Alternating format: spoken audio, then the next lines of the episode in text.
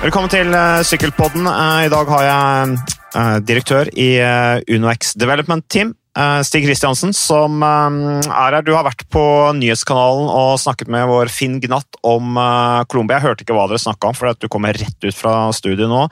Jeg regner med det var det som var temaet? Det var eh, Colombia og selvfølgelig de eh, vanlige spørsmålene om uh, Worldtur og Tour de France og når vi skal delta der. Kom ikke direkte, men det var ganske indirekte, indirekte på, på, det. Men først og fremst Colombia, ja. Og hvordan er det? Vi har kjørt én etappe av Colombia, det er lagtempoen, vunnet av EF e Education. hvordan er dere fornøyd med åpningen, den historiske åpningen? For det er jo faktisk første gang Norge har et sykkellag på det nivået. Hvordan er dere fornøyd så langt?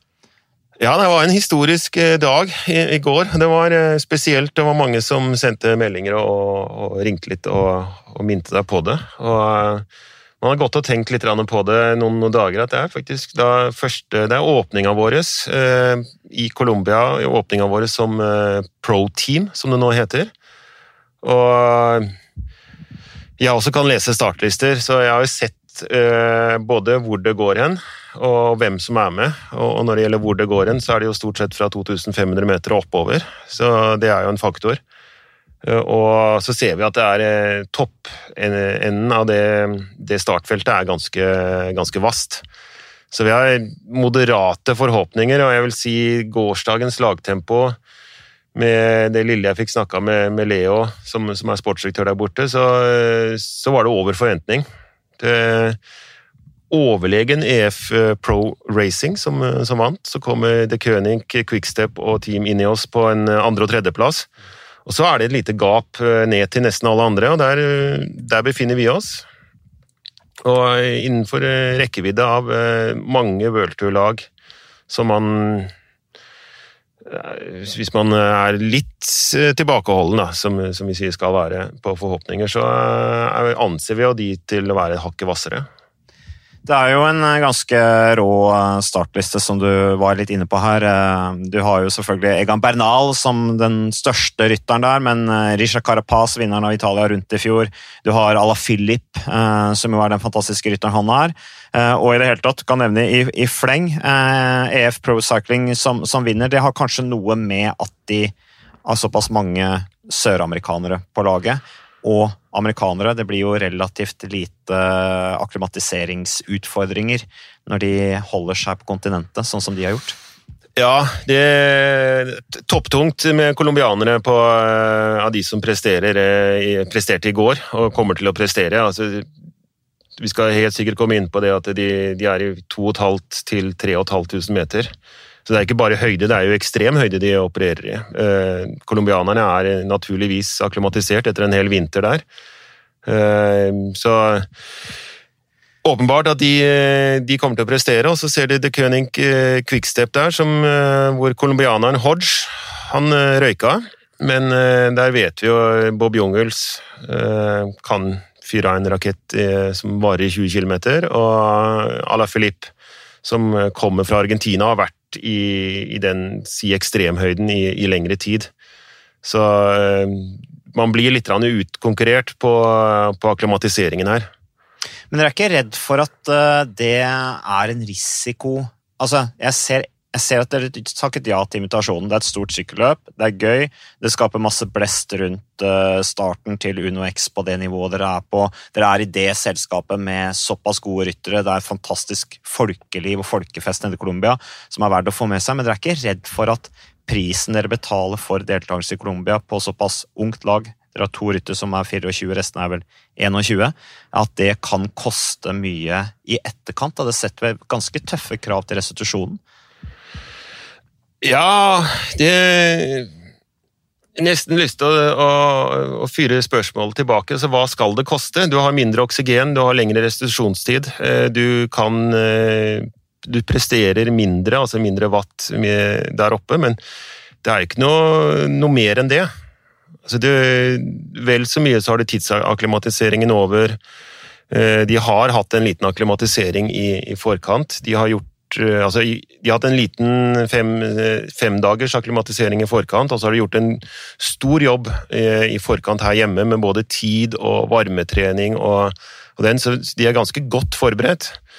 Men jeg er mer der hvor vi kan avdramatisere det litt og ikke dra strikken helt til det maksimale. De, de kommer til å, å, å gå på noen, noen, småsmeller hvis de går for mye og for tidlig rødt. Altså kjøre over sin evne. Da koster det fælt å være i høyden. Men Det må de jo ikke... nødvendigvis gjøre når de er i sykkelløp, da. Da det, må de jo følge feltet. De må følge feltet, og det er selvfølgelig Men det, du, man kjenner jo til altså, sine egne grenser. og man kan, Når det går oppover og man ikke skal være først i mål, altså man har andre oppgaver i laget, så går det an å skru på bremsen litt. Så, eh, så det er litt sunn fornuft i bildet her. Og jeg er helt altså, Vi har diskutert det ganske mye, og jeg, der hvor vi må avdramatisere det litt. Det, det, har vært folk i den høyden før eh, uten at, det, uten at eh, ting, ting har blitt veldig dramatisk. Men jeg skjønte at rytteren hadde veldig lyst til å dra dit? Ja, det, det, det, er jo en spennende reise, og det er jo også det vi innledet med, at det er jo første, første gang vi er i konkurranse, altså debuten til Uno X-laget. Eh, så det er stor rift om å få være med på den turen. Og, eh, og så tok vi de vi mente er best egnet til den type oppgaver, også i forhold til det programmet vi har ellers eh, fastlagt. Men hvordan er programmet til de rytterne som er der? Vi kan jo nevne det. Altså Lars Saugestad, det er Jonas Iversby Widerberg, det er Torstein Træn, det er Martin, Martin Urianstad, det er Jonas Abrahamsen og Idar Andersen som er i Colombia. Hvordan er på en måte, Hva er planen for det laget etter Colombia? De har eh, to uker eh, uten Alle har to uker uten noe som helst. Eh, par av dem har Kurne Brussel Kurne og Lesamyn som neste. Men der har vi reserver, så hvis de ikke klarer å komme hjem og akklimatisere seg til europeisk tid og, og høyde, så, så, har de helt til Olympias tour i uh, siste, fjerde, tredje uka i, i, mars. Så de har veldig god tid og sikkerhetsmargin i etterkant. Og skulle det skje noe, så, så blir de satt, satt på vent. Uh, så kan man jo også håpe på at man får en positiv effekt. Noe jeg tror er en stor sjanse for, for brorparten her. Ja, Så du tror at eh, du tenker på da høydeeffekt, eller? eller? Den, eller eh, opplevelsen, matchinga, ja, julingen? Ja, mer det siste. Høydeeffekt. Jeg er ikke en stor uh, kjøper av, av det der røde blodlegg med effekt-høydegreiene. Det uh, Selv innehaver på 90-tallet av høydehus og, og, sånne ting, så litt erfaring med høydetrening, eller oppholde seg i høyden, uh, har man skaffet seg etter hvert. og jeg må jeg er mer på tvilerens side på at du kommer hjem bråta full med røde blodlegemer. Det er vel kanskje snarere tvert imot, fordi at det er en såpass tøff belastning at blodverdiene er lavere når de kommer hjem? De, eh, litt av eh, akklimatiseringen er jo Nå skal vi være veldig forsiktige med så vi ikke plumper uti her, men de får jo økt eh, blodvolum, eller mer Altså blodvolumet øker, det er vel greit å si.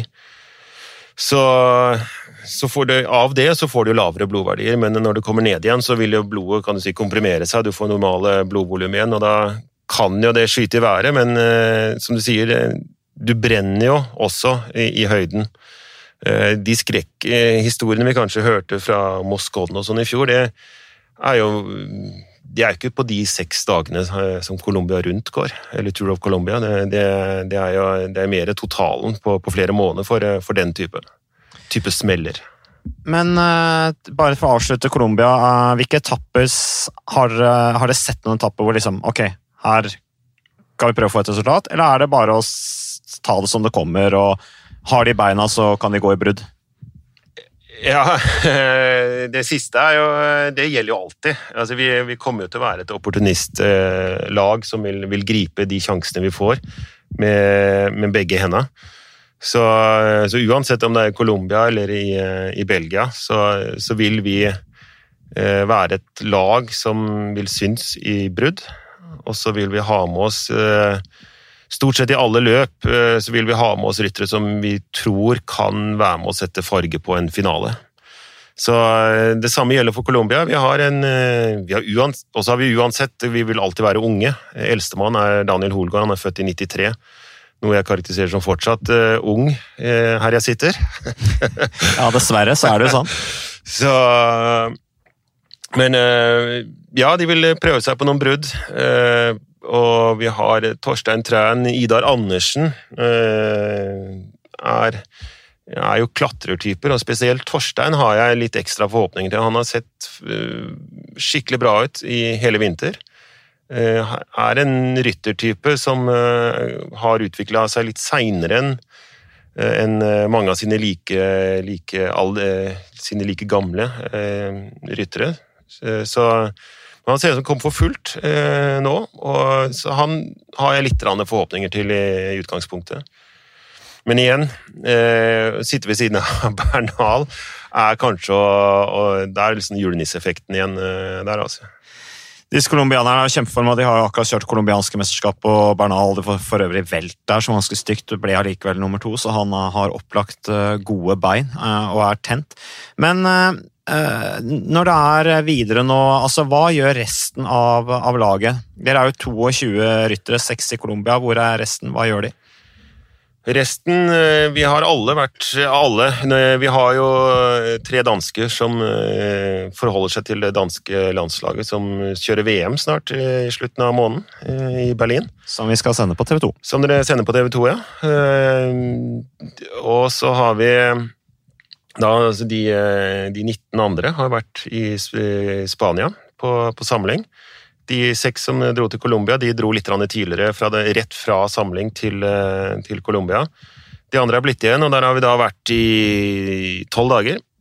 Trent, eh, hatt fantastisk vær. Det teller positivt, men de har trent vanvittig bra. Eh, det er kanskje en av de tingene som man ønsker å være kjent for, at vi, vi, de, vi gjør en, eller de gjør en skikkelig god grunnjobb. Så de eh, stadig vekk overraska hvor store framskritt de, de, gjør. Så motivasjonen er bra. Og så er det jo eh, Algarve rundt som begynner neste onsdag. Sendes også på TV 2. Det blir jo da eh, første landeveisrittet vi sender på eh, kanalen.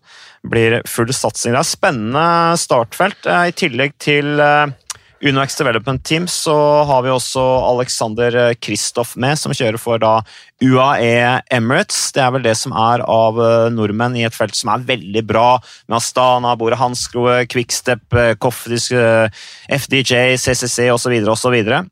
Inios, ikke minst, med bl.a. Garen Thomas, Luke Rowe, Kwiatkowski, Rowan Dennis, Dylan van Barr. Det er uh, litt av et felt dere møter der òg, Tastig? Ja. Det blir gøy. Det, vi, uh, det, her var det som vi hadde sett for oss skulle være åpninga. og Derfor lå treningssamlingen egentlig plassert slik at vi skulle ha en super treningssamling, og så en rolig uke hjemme og rett i Algarve. Uh, men ja, det er et vanvittig startfelt der også. Der sender vi et, et ganske friskt lag med med, med kanskje flest av våre kjente, kjente ryttere. Eh, så eh, dette her var opprinnelig starten på sesongen vår. Colombia kom, eh, kom, litt seilende inn på en venstrekant rett før, før jul, som, som, gjorde at den ble framskutt litt for de seks. Men Algarve starter onsdag neste uke. To spurtetapper, to etappe med mål på toppen av eh, kortere og lengre fjell. Bakke. Åskam. Mm. Og også en tempo på slutten. Og der har vi satt opp et, et, bra lag. Det er jo egentlig et helt vanvittig startfelt. Jeg nevnte bare litt av det nå. Ja, ja. Altså, Mathieu van de Poel, for eksempel, eh, kjører. Det er jo kjempekult. Du har Uh, Vincenzo Nibali som uh, kjører. Uh, Remco Evnepol. Utrolig bra startfelt i, i Algarve, med da altså norske UnoX Development Team. John Degenkolb også, som er i form. Philip Gilbert, som da kjører nå i Lotto Sodal. Um, ikke minst dette med Daniel Holgaard. Han har nå hatt fire år i, i World Touren. Han blir vel en viktig mann for dere i dette debutåret på det nivået dere er nå? Ja, det, det blir han. Ehm, her, her er en eh, veldig ikke vanskelig, eh, men det er en, det er en hårfin balansegang. Han, han, har hatt fire år i worldtour, vært fire år i tjeneste av DeMar. eh, Sarot eh, type, så han har fått veldig få sjanser selv. Han er jo en av de rytterne jeg kjenner ganske godt fra U23-årene. Og, vet jo at han innehar en vanvittig spurt. Eh, toppfart som han holder lenger enn de fleste. Men nå har han vært fire år i, i, i service, og selvfølgelig sier vi akkurat som om eh, andre tapperyttere eller andre topper i ung alder. Hvis de blir for lenge hjelperytter, så ender du opp med den men mentaliteten. Så eh, veldig spennende med Daniel. Nå har vi vært på to samlinger, og han ser, han ser bra ut. Men det er en, en hårfin balansegang der, som, som han sa innledningsvis, i forhold til å, å dytte han fram, men også holde han tilbake, slik at han ikke føler at han skal bære hele laget på sine skuldre. Ja, for det har vi sett en interessante ting på nå. Blir presset for stort på én rytter, eh, så blir det ofte et negativt press, og de andre rytterne kan lene seg veldig også på den. Det blir liksom en sovepute, litt sånn jeg opplever det. Eh, dette med, med Kittel, blant annet. Du har også andre eksempler på at det er noen få utøvere som måtte ta altfor mye resultatpress. Og så har det på en måte blitt negativt, og så har det blitt manglende resultater, og så har man slutta å ha det gøy. Eh, så, så, men hva tenker dere om hans eh, rolle? Han blir vel den som dere kjører for når det nærmer seg en, en, en spurt?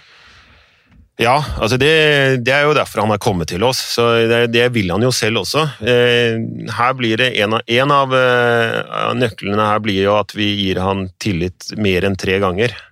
At han må få lov til å, å komme seg inn i de spurtene og, og, og, prøve å spurte og prøve å blande seg inn i spurten.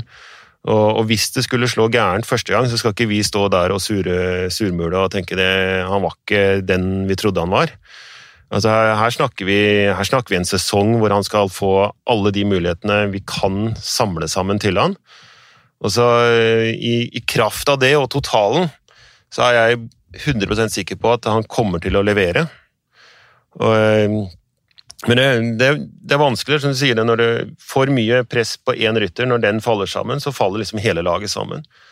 Så eh, vi er oppmerksomme på det, men vi, er fast, vi er fast bestemt på at han skal få tillit eh, så, så, så ofte han kan. Og uansett hva resultatet blir, om det blir en uh, førsteplass eller ellevteplass eller 21 Hvis han prøver, så er, er oppgaven løst. Mm. Ja, for Dere ønsker vel å bygge et lag hvor mange ryttere blomstrer? Ikke bare at man liksom Det sikreste kortet er den vi jobber for, og alle skal være rundt den personen og ta dette med hjelperytter. Altså dette med hjelperytter, lagarbeid og sånne ting er kjempeviktig, men du ser jo de lagene som vinner mye, så er det jo mange ryttere som vinner. Mange ryttere som, som blomstrer. Og det Jeg vet ikke om du har noen tanker rundt det? Jo, eh, det eh, alltid stått for en Og spesielt når vi har med unge ryttere, så kan du ikke Ok, det er, det er, jo, det er litt sånn et tveget sverd, dette her, for av og til så må det være veldig spiss for å få resultatet. Eh, men du kan ikke være spiss med samme rytter hele tiden. Eh, så hvis du har en type som Tobias Foss, som vant eh, Tull Lavenir i fjor, eller Andreas Leknesund, så kan du kan ikke bygge et 22-mannslag kun rundt de to. Når de to har fått mat til sitt ego, altså positivt, altså for det, idrett er jo på mange måter det, så, så, må man liksom holde dem litt tilbake og, og slippe fram andre ryttere der hvor muligheten byr seg. Og det har man jo sagt. Idar Andersen var vi inne på her i Colombia, der har han frie tøyler. Og Så ser vi programmet til Leknesund, som nå er U23, og så kommer han til fredsrittet, som heter hovedmålene hans. Så, så har man jo sagt ja, det, du kommer nok til å kjøre fredsrittet i år også, men kan nok være at du er i tjeneste til eh, Idar Andersen, eh, fordi at det, du har dine andre eh, roller og oppgaver som, som nummer én andre steder. Hvor viktig blir det nå? nå blir jo Leknesson blir jo, han har jo allerede signert proffkontrakt med, med Sunweb. Uh, skal kjøre én sesong i Unex Development Team og blir jo en av nøkkelrytterne deres på mange måter. Men det at han allerede har signert en proffkontrakt i Sunweb, og dere har f.eks. Idar Andersen, som er såpass på vei opp, kjørte kjempeflott i Yorkshire i fjor i U23-VM. Idar Andersen er en god klatrer. Er, tenker du at det blir viktig også nå at Leknessund bidrar til å bygge opp lagkameratene rundt seg når han allikevel skal forlate skuta etter denne sesongen? Ja, altså enerne eh, de med mest resultater, de er jo uhyre viktige at de gir tilbake. Altså det, det, du gir, er det du får. Men nå skal det sies at eh, Andreas er en fantastisk person på, på, nesten alle, på alle mulige områder. Jeg vet ikke hvilke områder han ikke er det. Så Han er et forbilde? Ja, han er et forbilde av, av rang, og han er så innstilt og gir så mye av seg selv til, det, til lagene. De turene jeg har vært på med han, så så det er en ny dimensjon, rett og slett, å, å ha han på laget. Det, eh, apropos forbilder, nå hadde vi Tobias Foss også, verdens veldig snill gutt. Uh, han var ute og snakket om dette med, med mental helse. Veldig bra. Uh, også på en måte et forbilde. Uh, og gutta er jo De er jo fantastiske representanter, men de er, ikke, du er ikke redd for at de er for snille, da? At, du, at, vi trenger en sånn litt sånn Northug-type som er litt rock'n'roll, men som er litt krevende. Har dere noen sånne i laget? Har vi, hvor lang er podkasten? du har rom til å fortelle om det hvis du har det. Ja, det, er, det er helt enig. i. altså, idrett er jo, det er jo brød og sirkus til folket på, på en måte. Og du trenger Du ser bare på, på langrenn nå med Northug borte, og du har en gjeng med trauste gutter som går inn i skogen. Det er jo ikke det samme. Uh, og, sånn gjelder all sykkelsport, uh, eller all, all idrett. At du, du, må ha disse typene som tør by på seg selv. Andreas er en som, som virkelig prater fra og er, er, seg selv. Ja, for han er nordlending? Ja, han er nordlending, så det, er også, det skal jo nevnes. Men uh, om vi har noen Northug-type i laget det, Vi har noen uh, gærninger som, uh, som vi uh, syns er underholdende. Den ene av dem er i Colombia. Men du vil ikke si noe mer? Nei, jeg jo, jo. En, vi kan ta navn, for de er jo gærninger er jo eh, kanskje å sette det på spissen, men eh, Martin Bugge Urianstad er en frisk, frisk type som, eh, som, tør by på seg selv og tør, tør gjøre feil uten at det liksom får noen konsekvenser for hans oppførsel eller sin Altså, han byr på seg selv, er et mentrasjonsråd i, i gruppa, og er jo ikke, heller ikke den beste per dags dato. Så du, må ikke være bestemann. Tobias som sier, er mer tradisjonell norsk sånn urkraft. 100 %-rytteren.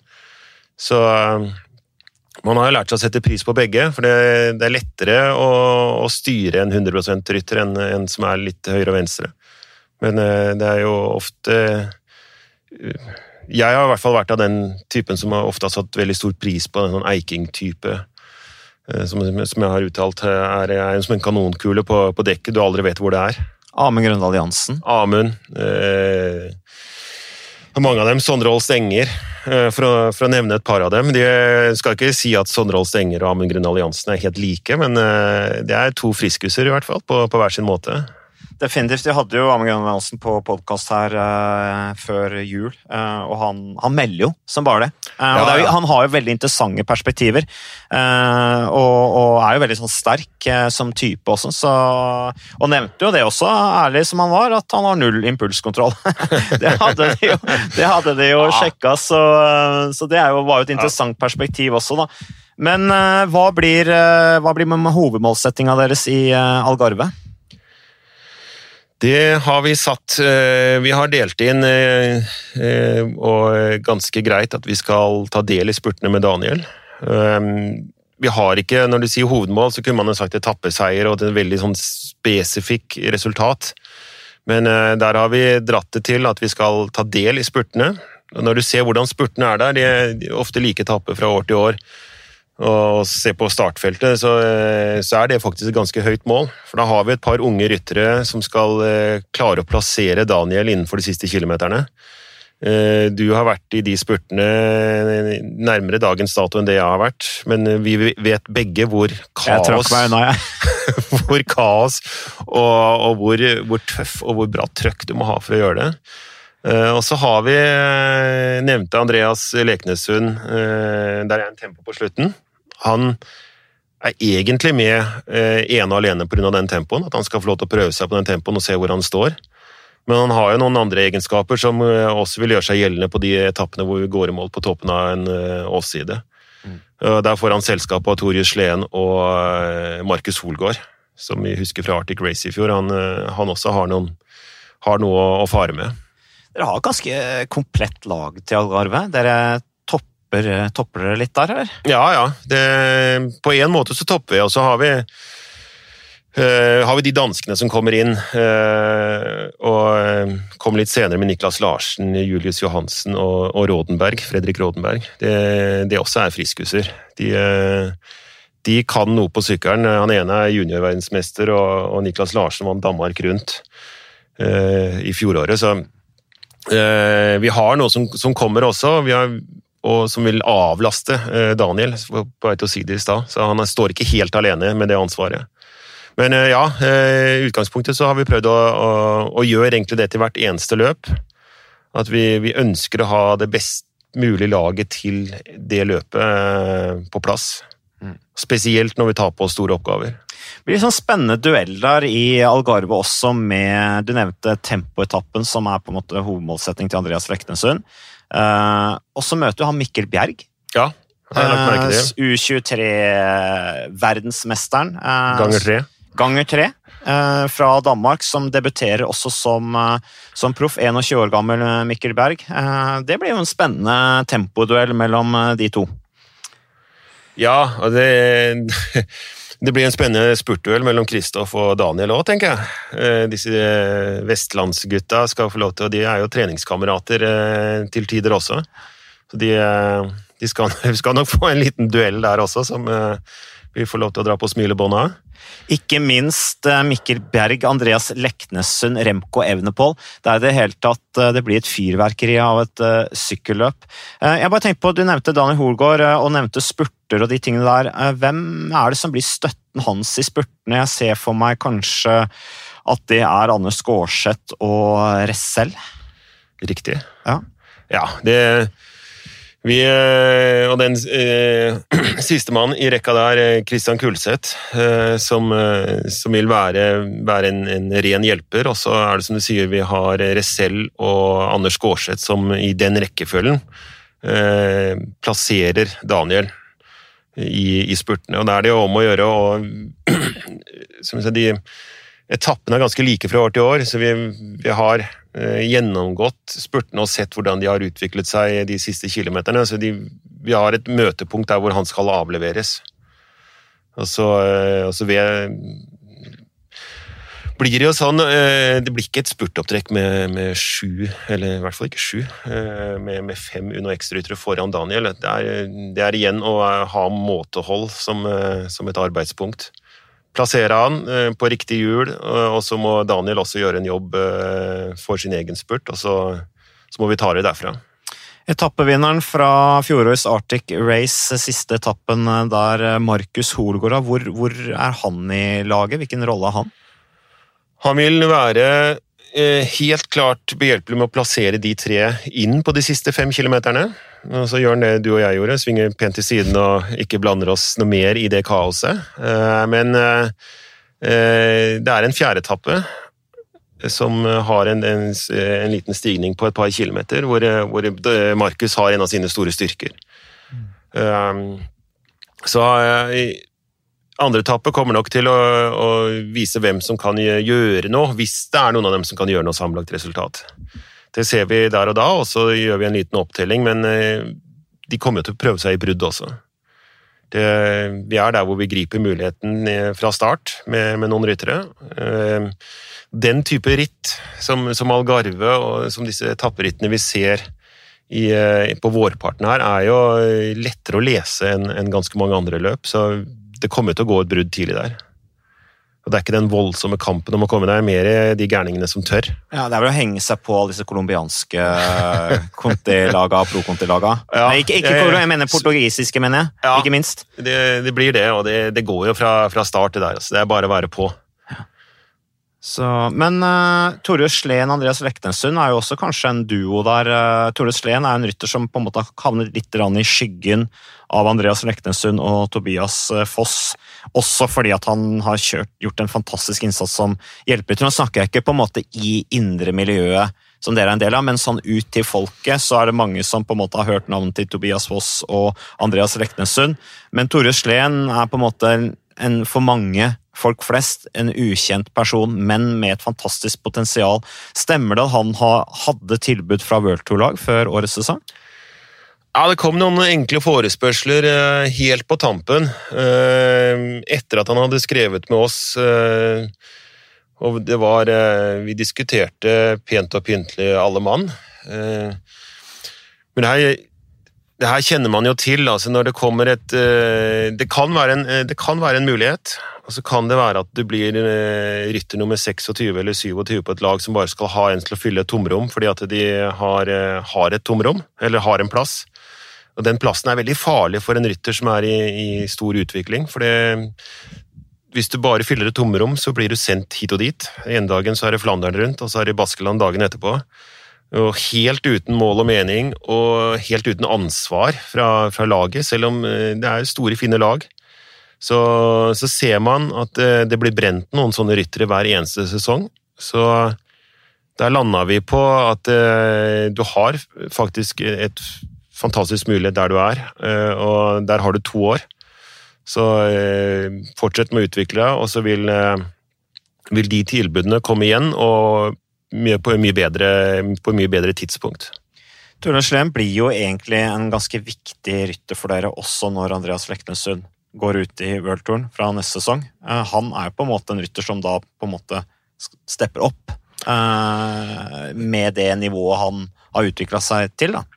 Ja, han, eh, det er jo sånn når noen forsvinner, så åpner noen dører seg for, for de som står og banker på. Uh, Torjus er en av dem. Uh, det åpner seg noen dører med en gang to, Tobias forsvant i fjor. Uh, han eh, gjorde jo en, en fabelaktig jobb for Tobias i Tulle Avenir, men gjorde mange andre veldig gode konkurranser i fjor. Han ble elleve i Paris-Roubais for U23. Eh, at du kan klatre som eh, Torjus gjør, og bli elleve i Paris-Roubais, det er en sjelden sammensetning, så han kan mer. Han, ganske, ja, han kan mer enn bare det å klatre, men sånn som han utvikler seg, så virker det som klatring, uketapp, ukesetapperitt er, er hans forse. Litt sånn à la Philip, tipper Ja, ja, men jeg... Uten sammenligning for øvrig? uh, dra på med én gang, ja. ja, ja det ja det er han, det, Torje Sleen er neste Julian à la Philip.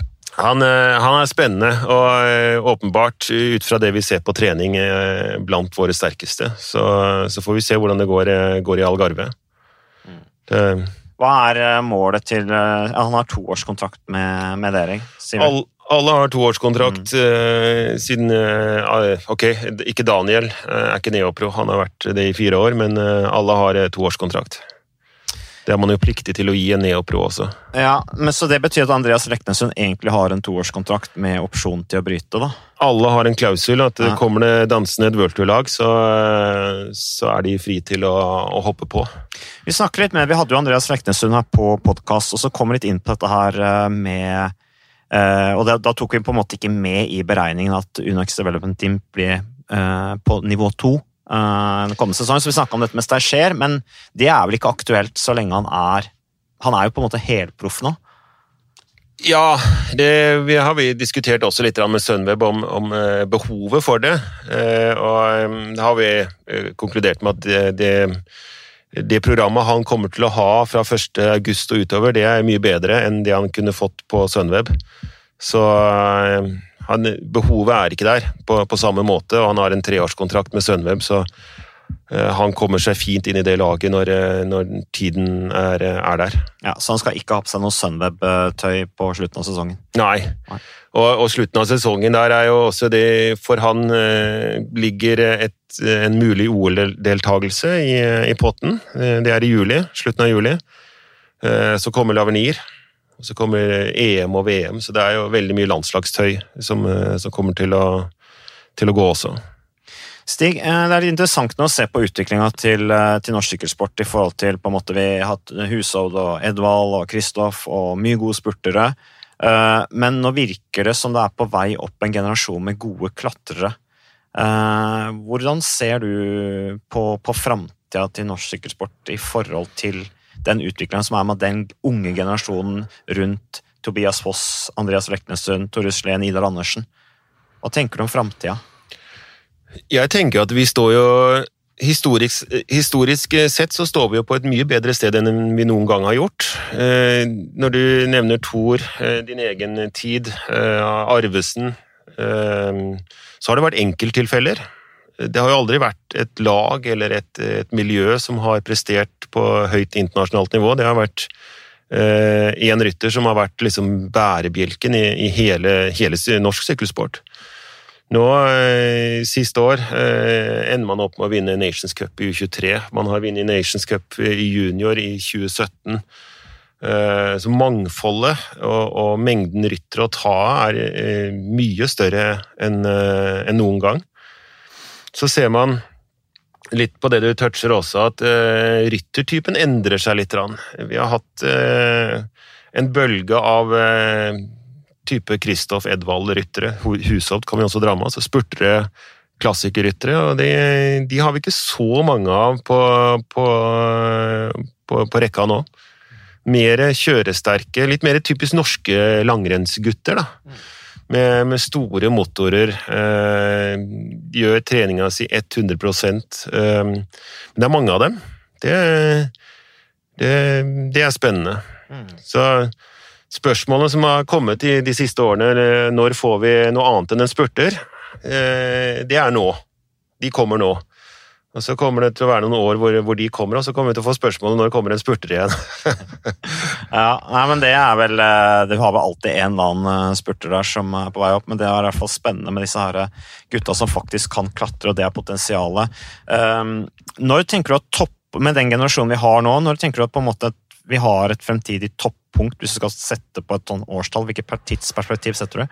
Åh, Det er vanskelig. Det, når du leser opp startlista til, eh, til Algarve og, og Colombe der med Bernal altså de er jo, eh, Toppen kommer jo i veldig ung alder eh, for, for, øyeblikket, og det har litt med Mener jeg, og, og sikkert flere med meg, at det, disse unggutta som kommer opp nå, de har jo de har klokket inn alt fra ung alder. Altså, de har eh, toppidretts-NTG og disse skolene, de lærer dem opp godt. Eh, de har eh, wattmålere, de har eh, apparat rundt seg, de har konkurranser eh, fra de er 17.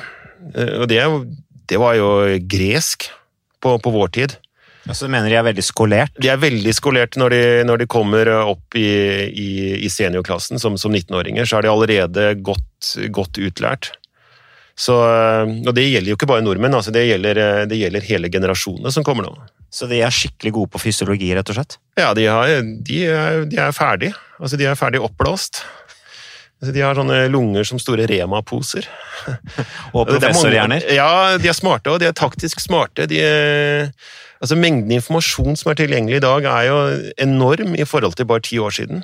Altså, Jeg gikk forbi en Narvesen på vei her og så bare magasinet som sto der. Det var, det var jo 30 stykker. Eh, før så tok man trikken ned til eh, Jernbanetorget og gikk på Narvesen for å kjøpe eh, Velo. Det var det eneste magasinet du kunne, og det var på til på fransk, som du ikke kunne lese. Men du kunne tall. Du kunne se på bilder. Du kunne se på bilder. Så mengden informasjon som disse unggutta har tilgjengelig, og hvordan de klarer å omsette det, er eh, helt annet nivå enn det det bare var for noen år siden. Hvordan opplever du det som trener i samspillet ditt med utøver, diskusjonstemaene? Hvor mye skiller temaet, eller hvor, hvor, mye annerledes er det å snakke trening i dag kontra for 20 år siden? Ja, det er ganske annerledes. Det, det, eh, der hvor du på mange måter kunne, kunne eller måtte, eh, egentlig bare sette A til Å så har du mye mer diskusjon, og en god diskusjon med utøver, eh, om hvordan vi kan løse den og den uka eller den og den perioden. Eh, og de kommer med fornuftige innspill. De har hatt eh, ernæring og eh, fysiologi på skolen, så de har kunnskap som du er, nødt til å høre på. Og det gjelder også taktikk. Eh, så hele kommunikasjonen med en ung utøver er blitt annerledes, eh, og mye bedre, spør du meg. Altså det det er faktisk kunnskap å dra ut du, av de rytterne. Når du legger en taktikk, så kommer du med din mening, eh, hører ut rytterne, og, og finner ok, da så blir det mer din oppgave å skjære gjennom og si det gjør vi. Er det nesten blitt mer krevende å henge med? Altså Før snakket man kanskje mer om følelse, nå er det kanskje mye mer, er det mye mer konkret enn det det var før? eller? Jeg henger med vet du, med dagens sosiale medier, og det er jo det er en saga blått. Altså det, det, skal du henge med på all den informasjonen som de altså De har mye bedre tid enn det. Vi sitter og, og jobber og, og, prøver å forberede oss til løp. Med, tenk når Hvis du har 22 ryttere, så har du 22 variabler. Så hvis én ryker med sykdom eller skade, så endrer det på hele situasjonen.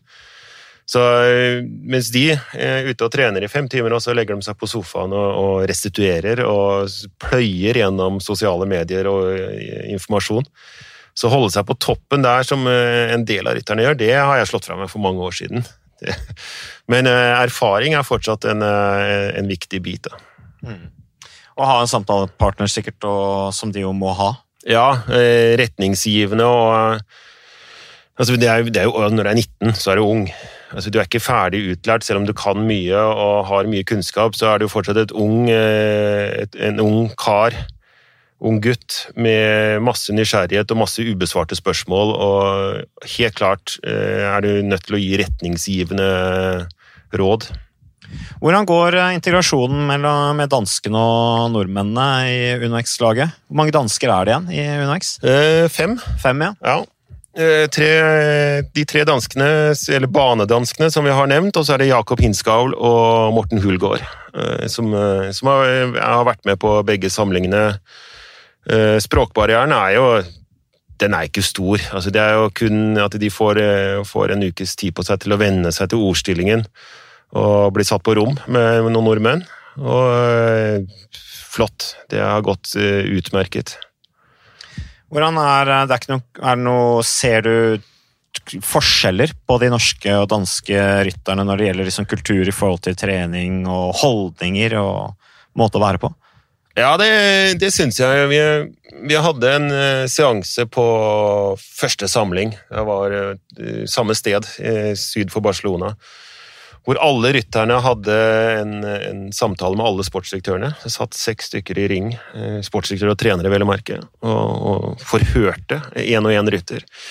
Det var en veldig jovial setting, så, men uh, istedenfor at vi hadde seks møter, så hadde vi alltid ett, og vi prøvde å, å bli liksom litt familie der. Men uh, får man disse danskene inn, og de er eh, Det er forskjell på nordmenn og dansker. Eh, jeg har veldig mange danske venner fra min tid som syklist. Han ene er jo inne på laget nå, Christian Andersen i, i, som sportsdirektør.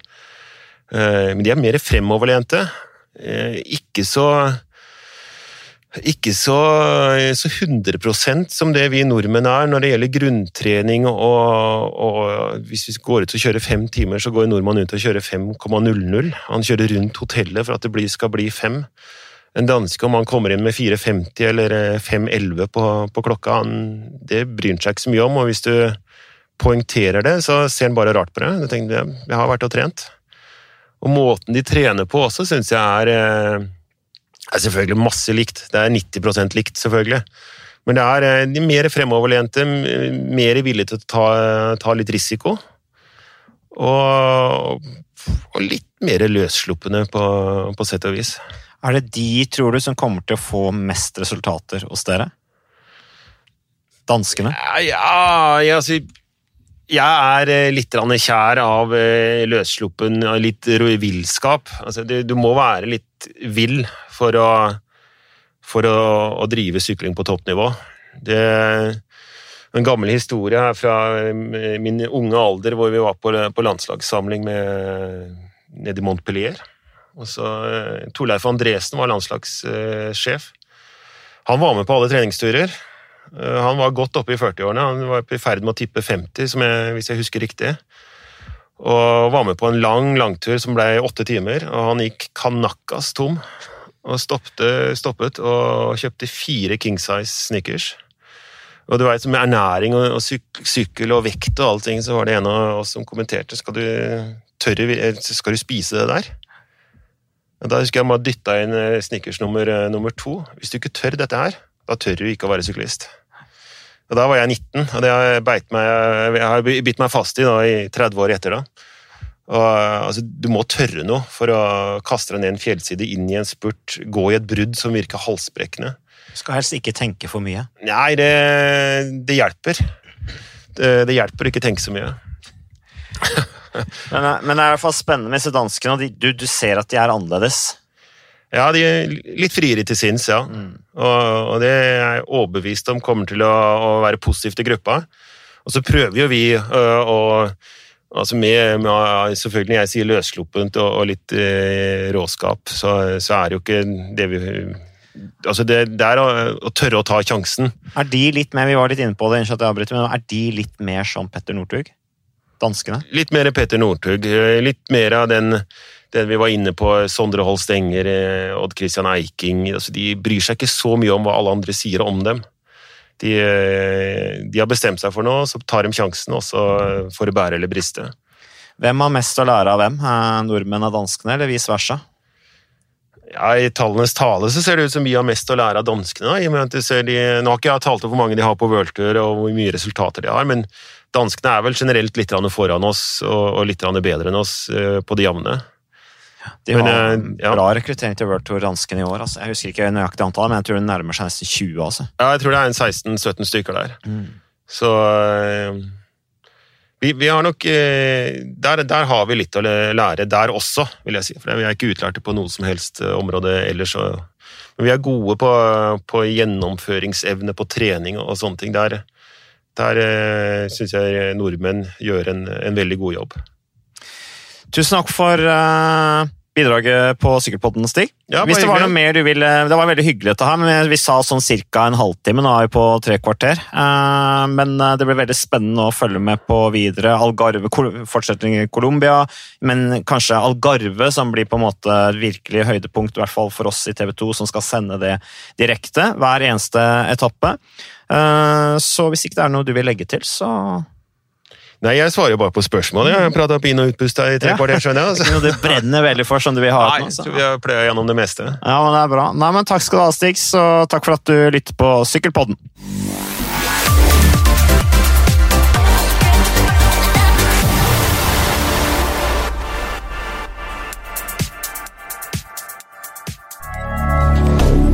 Moderne media.